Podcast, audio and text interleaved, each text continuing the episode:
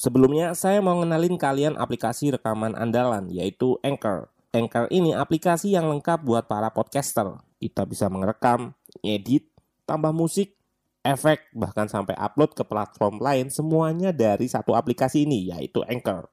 Nah, aplikasi ini bisa kalian download di App Store atau Play Store, atau bisa juga dari website langsung di www.anchor.fm.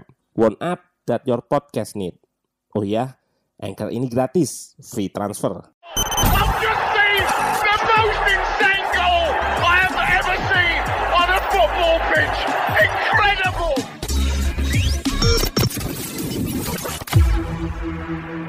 Halo, selamat datang di channel Ruang Taktik. Di video kali ini kita akan analisis pertandingan Arsenal versus Liverpool.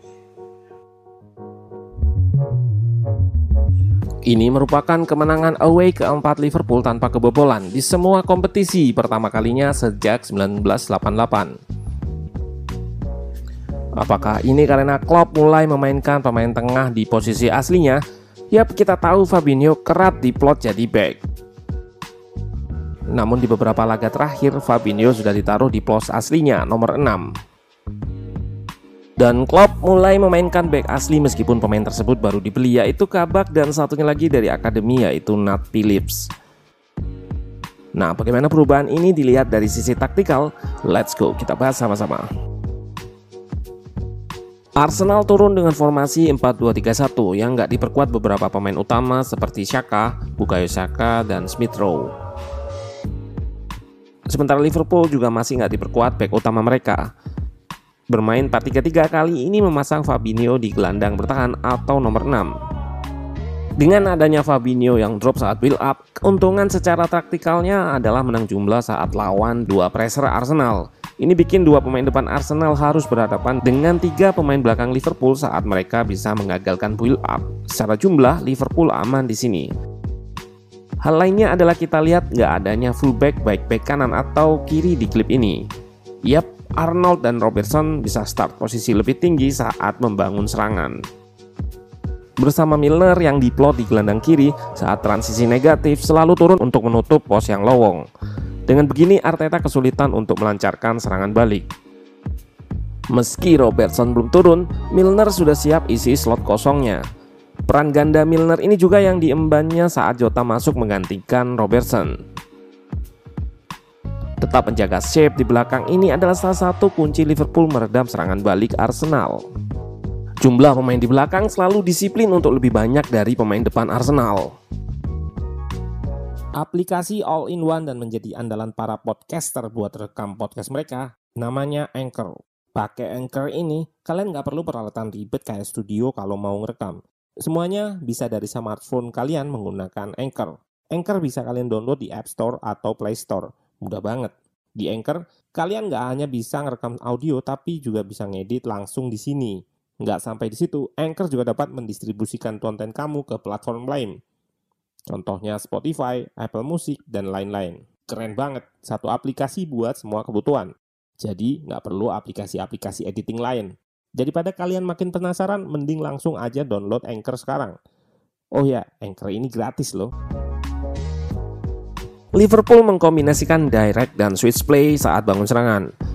Long pass selain dilakukan untuk menemukan pemain di depan yang kosong, juga untuk melakukan counter press saat bola terbut. Sementara build up pendek untuk eliminasi press lalu melakukan switch. Menggunakan switch atau perpindahan arah serangan dengan cepat bisa menemukan robo yang kosong dan pertahanan Arsenal harus merespon dengan bergerak ke kanan secara cepat. Dengan cara inilah Liverpool disorganisasi pertahanan Arsenal. Di babak pertama, Arnold memang sering terlihat mengamankan posnya terlebih dahulu agar nggak diekspos. Sementara Miller sering terlihat mengisi pos Robertson. Pergantian taktik di babak kedua dengan memasukkan Jota sangat tepat. Miller mengisi pos back kiri dan bisa bergerak naik karena di babak kedua Arsenal bertahan dengan deep. Lalu di tengah Liverpool nampak menggunakan double pivot. Sementara Jota bermain lebih di depan dan bergerak roaming sehingga formasi Liverpool lebih banyak terlihat. Perubahan taktik ini memungkinkan Liverpool menyerang dengan banyak pemain ditambah fullback yang overlap, terutama Arnold di sisi kanan. Dan perubahan taktik inilah yang mengantarkan Liverpool mencetak gol pertamanya. Gol pertama dari Jota ini mengubah jalannya pertandingan. Arsenal yang semula bermain rapat bahkan nirbobol di babak pertama harus bermain terbuka untuk mengejar ketertinggalan gol. Dari sini juga Liverpool berhasil mengekspos lewat gol kedua.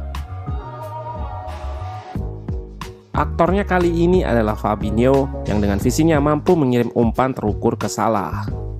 Sebelumnya, pertahanan Arsenal merenggang karena Arnold dan Salah bergerak ke sayap. Ruang antar CB ini yang diekspos Fabinho dengan brilian. Dan pertandingan ini ditutup oleh gol Jota. Berawal dari build up yang digagalkan Arnold, umpan Gabriel ke Cedric yang kurang matang berhasil dibaca bek kanan bernomor punggung 66 ini. High pressing khas Liverpool.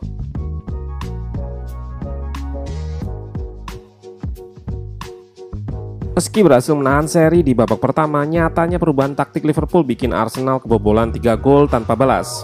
Ketidakmampuan menciptakan peluang juga jadi masalah Arsenal untuk bangkit. Hanya mencatatkan XG sebesar 0,09 atau terendah, Arsenal hanya mencatatkan 3 shot berbanding Liverpool 16. Kemenangan telah ini jadi modal Liverpool untuk menghadapi pertandingan besar selanjutnya melawan Real Madrid. Jota bermain baik meski sebagai pengganti dan banyak yang memilih sebagai man of the match. Namun hampir seluruh penggawa Liverpool bermain baik.